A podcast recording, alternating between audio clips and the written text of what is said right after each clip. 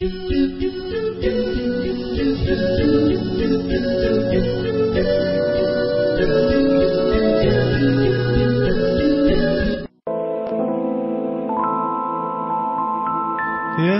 الأرواح يشفي الأتراح. هذا القرآن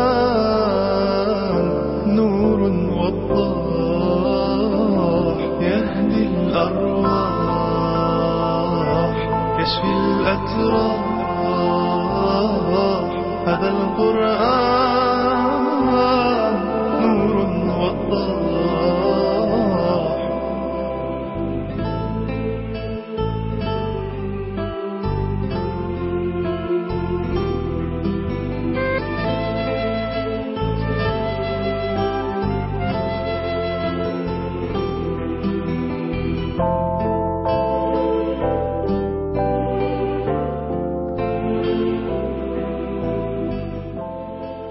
بسم الله الرحمن الرحيم والحمد لله رب العالمين والصلاة والسلام على سيد الخلق أجمعين وإمام الأنبياء والمرسلين محمد بن عبد الله عليه وعلى آله وأصحابه وأزواجه وذريته أفضل الصلاة والتسليم وبعد أرحب بكم مع سحر القرآن هذا البرنامج الذي نتناول فيه شيئا من إعجاز البيان في القرآن الكريم ولا أخفيكم أني قد أصبت بحيرة شديدة في تحضير هذا البرنامج وما زلت فالمعاني كثيرة والأمثلة أكثر والنماذج لا تنتهي وكما يقولون كلما زاد الاختيار زاد.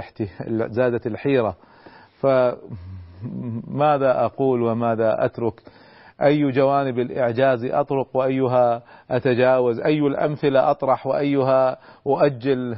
وكل مثال أجمل من الآخر وكل لفتة ألطف من الأخرى. شيء عجيب هذا الإعجاز القرآني العظيم. فاستعنت بالله وقدرت واخترت لكم. فدعوني أشارككم ببعض اختياراتي لسحر القرآن.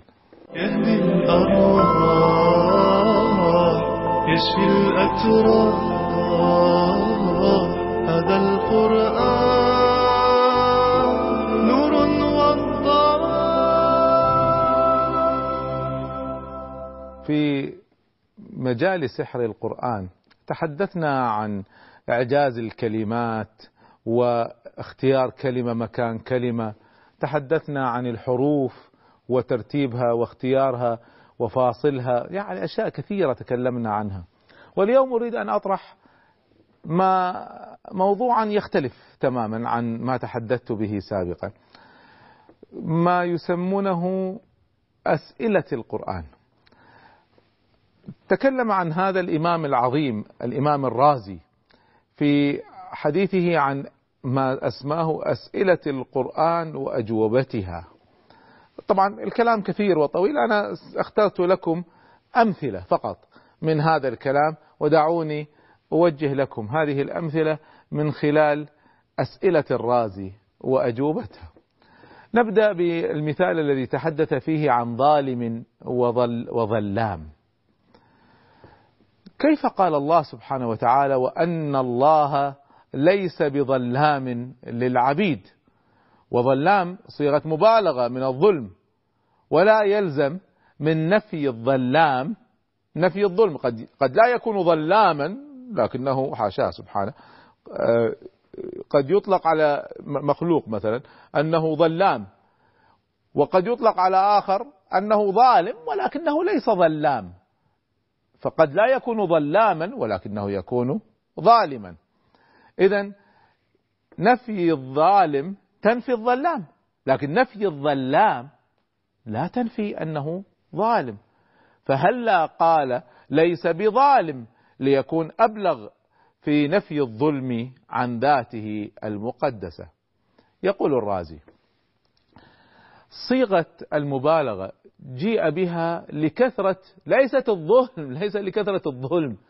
هنا المقصود كثرة العبيد ليس بظلام للعبيد. ليس لكثرة الظلم كما قال الله سبحانه وتعالى ولا يظلم ربك أحدا. إذا قضية أنه لا يظلم انتهينا منها في آيات أخرى. لكن في هذه الآية الله سبحانه وتعالى يتكلم عن العبيد يعني الله سبحانه وتعالى يقول عالم الغيب وعلام الغيوب. لاحظتوا الفرق؟ عالم الغيب علام الغيوب. فلما أفرد المفعول لم يأتي بصيغة المبالغة. نظير ذلك مثل قول القائل زيد ظالم لعب لعبده وعمر ظلام لعبيده. فهما في الظلم سواء. فإذا آه، تجدون هذا المعنى أنه نفي النفي هنا ليس لقضية الظلم لأنه نفى الظلم عن نفسه في آيات كثيرة وإنما هنا عن أنه ليس بظلام للعبيد. فلا يظلم هذا العبد ولا يظلم هذا العبد ولا يظلم هذا العبد فليس بظلام للعبيد. ومثال ذلك كذلك ما ما جاء في الكتاب العظيم قول الله سبحانه وتعالى محلقين رؤوسكم ومقصرين فلكثرة الفاعلين قال محلقين ليس لتكرار الفعل يعني ما هو المطلوب إن الواحد يحلق رأسه مرة ومرتين وثلاثة لا وإنما لكثرة الرؤوس. قال محلقين رؤوسكم ومقصرين. فالصيغة هنا هي للمفعول تنسب للمفعول ولا تنسب إلى الفاعل فلا ينسب إليه ظلم سبحانه. فالمعنى ليس بذي, بذي ظلم إطلاقا. السؤال الثاني. يسأل الرازي عن كيد الشيطان وكيد النساء. فإن قيل كيف قال إن كيد الشيطان كان ضعيفا؟ وفي نفس الوقت في القرآن الكريم يقول في كيد النساء إن كيدكن عظيم. معلوم طبعا أن الشيطان أعظم في الكيد من النساء ولا تكون مصيبة علينا يعني طيب لو كيد النساء أعظم من كيد الشيطان تورطنا يعني ف فيرد الإمام الرازي فيقول المراد أن كيد الشيطان ضعيف بالمقارنة مع من؟ بالمقارنة مع ماذا؟ هي القضايا نسبية لما نقارن كيد الشيطان بنصرة الله تعالى وحفظ الله لأوليائه المخلصين من عباده. كما قال تعالى إن عبادي ليس لك عليهم سلطان. في هذه الحالة من الأقوى كيد الشيطان ولا نصر الرحمن؟ لما الله سبحانه وتعالى يقول على لسان إبليس أنه يسيطر على البشر وسيغوي البشر إلا عبادك منهم المخلصين ما يستطيع عليهم. فالمراد اذا أن كيد الشيطان ضعيف بالمقارنة مع نصر الله عز وجل. بينما الآية الأخرى كيد النساء عظيم بالمقارنة مع من؟ مع كيد الرجال. فاذا لما نقول كيدكن عظيم من القائل هنا؟ القائل هو عزيز مصر. ليس الله عز وجل. هو اللي قال إن كيدكن عظيم. هو يقارن كيد النساء بكيده هو فيطلع كيد النساء أعلى من كيده. كيد النساء أعلى من كيد الرجال. فلا تناقض ولا معارضة. فإن قيل في قوله تعالى أفلا يتدبرون القرآن ولو كان من عند غير الله لوجدوا فيه اختلافا كثيرا. سنجد أن هذا هذا المثال كيد الشيطان وكيد النساء. مثال على هذه المسألة. لو كان من عند غير الله فعلا مسألة غير معقولة. لكن هنا الحديث عن النسبية. كيد النساء بالمقارنة مع الرجال بينما كيد الشيطان بالمقارنة مع حفظ الرحمن. فماذا يكون كيد الشيطان؟ يكون ضعيفا. أما كيد النساء بالمقارنة مع كيد الرجال فهو عظيم. وهذا على فكرة فيه رد على من يقول أن النساء ناقصات عقل ودين بمعنى أنه عقل المرأة صغير. كيف صغير وكيدهن عظيم؟ الرسول صلى الله عليه وسلم يقول في هذا الحديث ما رأيت من ناقصات عقل ودين أذهب بلب الرجل الحليم منهن. يعني. رغم أنها تمر عليها أيام لا تصلي وأن شهادتها في الأموال بنصف شهادة الرجل مع ذلك هذا الذي يعتبر نقص في الدين ونقص في العقل هي تذهب بلب الرجل الحليم. فأيهما أشد كيدا؟ النساء. فالنساء أشد كيدا بالمقارنة مع الرجال والشيطان كيده ضعيف إذا حفظنا الرحمن والتجأنا إليه. مزيد من هذه المعاني. بعد الفاصل إن شاء الله.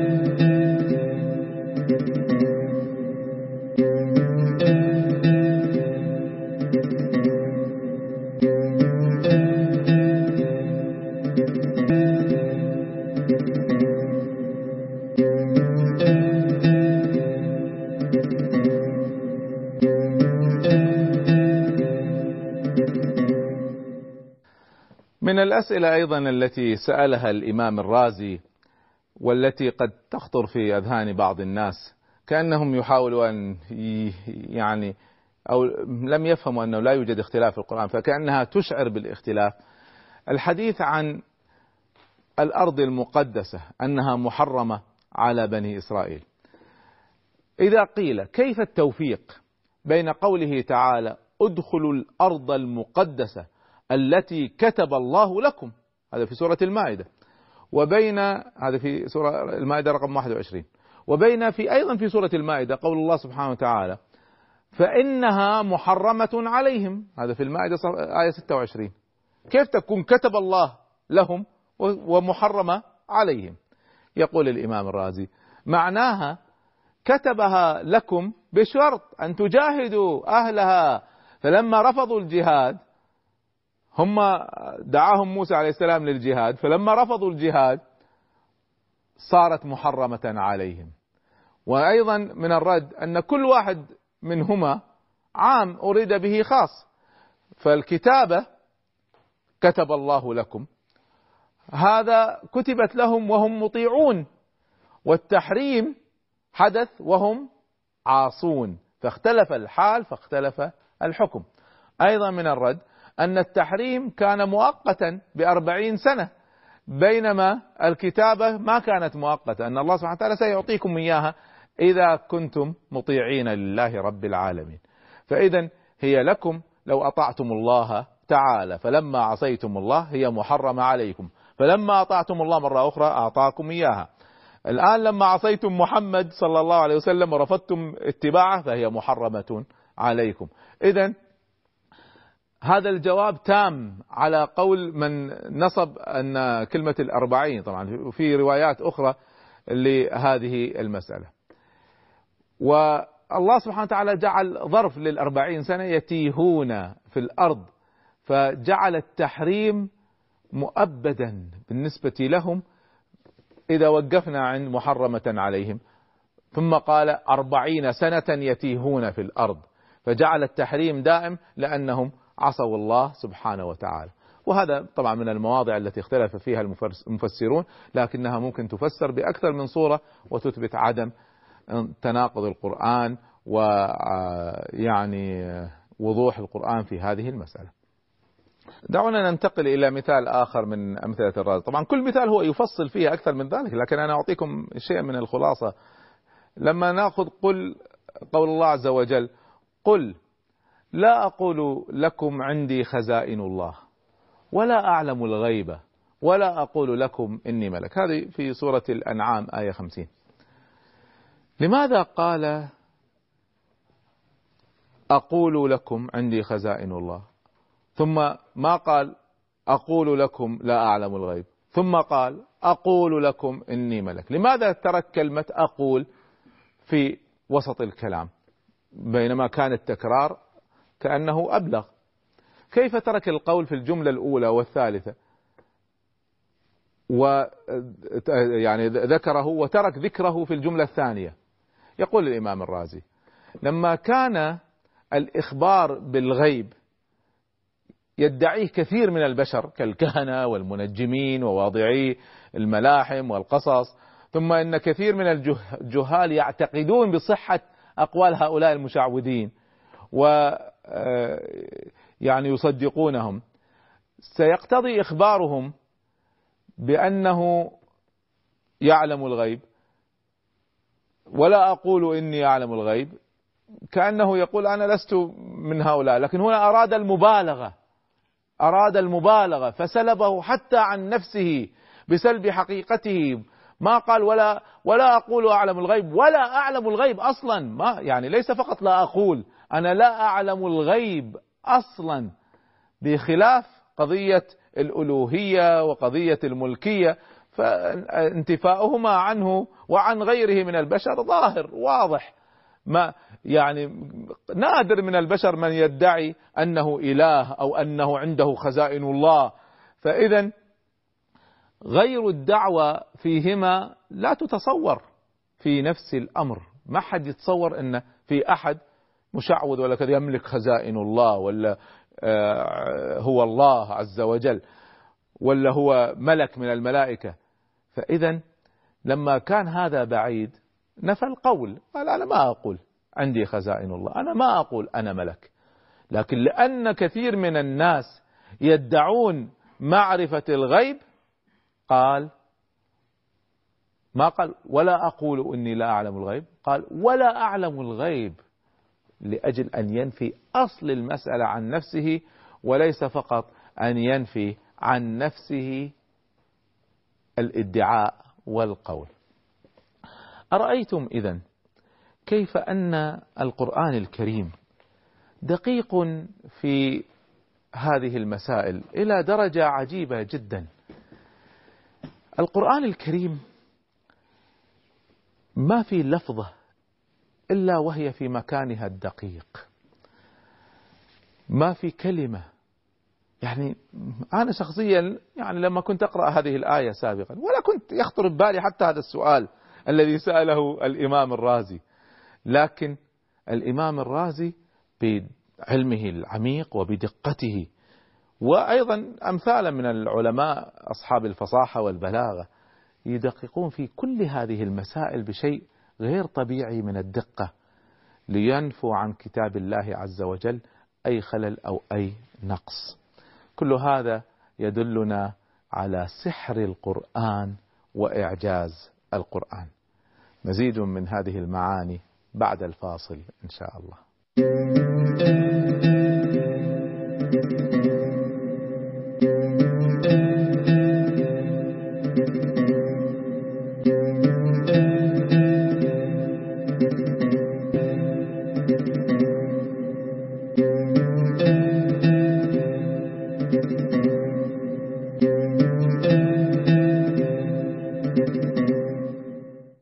ما زلت معكم ومع أسئلة الإمام الرازي التي يعني تفنن فيها في قضية آه، نفي التناقض عن القرآن الكريم. بل وأيضا إخراج المعاني الدقيقة في استعمال ألفاظ كتاب الله عز وجل. من ذلك ما يذكره الإمام الرازي في قصة سيدنا يوسف عليه السلام. في قصة سيدنا يوسف طبعا نعم الله سبحانه وتعالى علينا وعلى سيدنا يوسف لا تحصى. لكن من ذلك ذكر سيدنا يوسف عليه السلام نعمة الله عليه في إخراجه من السجن. فقال وقد أحسن بي إذ أخرجني من السجن.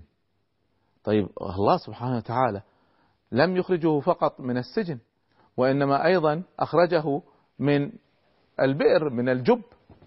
فلماذا لم يذكر الجب؟ لماذا لم يقل أنعم علي فأخرجني من الجب وأخرجني من السجن؟ لماذا فقط ذكر نعمة الخروج من السجن؟ بينما الجب كان أخطر عليه لأنه كان طفل صغير وكان قد يموت وكان الخطر أشد. فيقول الإمام الرازي إنما ذكر نعمة الخروج من السجن دون نعمة الخروج من الجب لوجوه. منها. أن محنة السجن ومصيبته صحيح هناك الخطر أكثر لكن هنا طول المدة أعظم. فلبث في السجن بضع سنين بينما في الجب ما لبث إلا ثلاث أيام.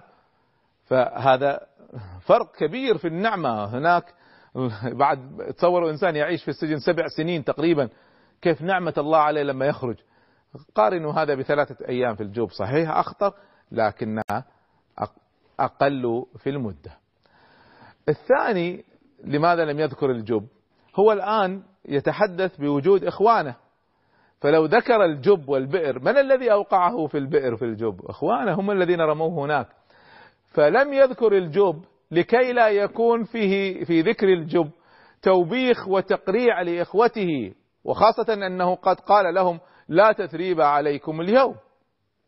السبب الثالث أن خروجه من السجن كان مقدمة لملكه وعزه فلذلك ذكره.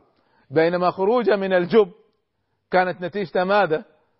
العبودية والرق والأسر فلذلك لم يذكره. الرابع أن مصيبة السجن بالنسبة إليه كانت أعظم.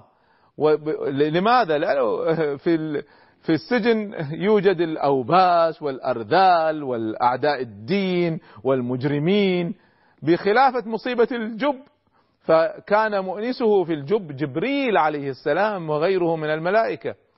فإذا كل هذه من المعاني لماذا لم يذكر الجب وذكر آه، وذكر السجن. أختم بسؤال للإمام الرازي. يتكرر على فكرة كثيرا في القرآن لكن هو يذكر عليه هذا المثال. الله سبحانه وتعالى لما يسأل يسأل الملائكة يسأل آه، موسى يسأل الله سبحانه وتعالى لماذا يسأل؟ الله سبحانه وتعالى علام الغيوب يعلم ما في السماوات وما في الأرض فلماذا يسأل؟ ما قيمة أن يسأل الله سبحانه وتعالى موسى وما تلك بيمينك يا موسى؟ وهو أعلم بما في يده جملة وتفصيلا. فلماذا يسأل الله سبحانه وتعالى مثل هذا السؤال؟ وهو يعلم. وقيسوا عليه كل أسئلة الله عز وجل لخلقه في كتاب الله عز وجل. وفي الحديث لما تصعد الملائكة فيسألهم الله عز وجل كيف تركتم عبادي؟ لماذا يسألهم؟ هو يعلم سبحانه. فيقول يقول الإمام الرازي وفي يعني هذه المعاني جميلة جدا. لأنها ترطب القلوب وتوعي العقول. يقول فائدته في كل حالة طبعا لها سبب. خلينا نأخذ هذه القصة قصة موسى عليه السلام وما تلك بيمينك يا موسى. يقول فائدته تأنيسه هو الآن موسى مندهش أنه يكلم من خلال نور أو نار في شجرة. فمندهش تماما ومفزوع. فيريد أن يؤنس ويخفف عليه ما حصل عليه آه، من دهشة الخطاب وهيبة جلالة الله عز وجل عندما تكلم معه. يعني تعرفون الواحد لو يتكلم يمكن مع ملك في بعض الناس يرتجفوا فيقول كما يرى أحدنا طفلا هذا كلام الإمام الرازي قد داخلته هيبة وإجلال وخوف. وفي يده فاكهة أو غيرها فيأتي الرجل فيسأل يسأل ويلاطف ما ماذا بيدك؟ فيخفف عنه مع أنه يعرف ماذا في يده. ويقول الإمام الرازي, الرازي كذلك أنه أراد بذلك أن يقر موسى ويعترف أنها عصا ويزداد علمه بأنها عصا لأنه بعد قليل سيحولها إلى حية فإذا قلبها ثعبانا ما كان يشك أنها عصا. فإذا انقلبت ثعبانا بقدرة الله عز وجل يقرر في نفسه أن في شيء غير عادي حدث فينتبه على القدرة الباهرة والمعجزة العظيمة التي حدثت أمامه. وغيرها طبعا من المعاني لولا الوقت لتوسعت فيها لكن أكتفي بهذا القدر. ومزيد من إعجاز القرآن وبيان القرآن وسحر القرآن في حلقة قادمة إن شاء الله. استودعكم الله. والسلام عليكم ورحمة الله.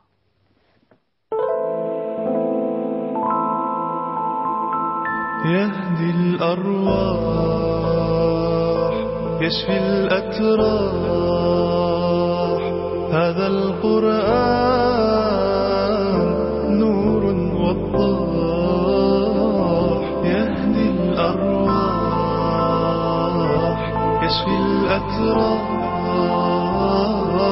هذا القرآن نور وضاح جمال بيانه فينا يروينا ويحيينا. جمال بيانه فينا يروينا ويحيينا. هو القرآن معجزة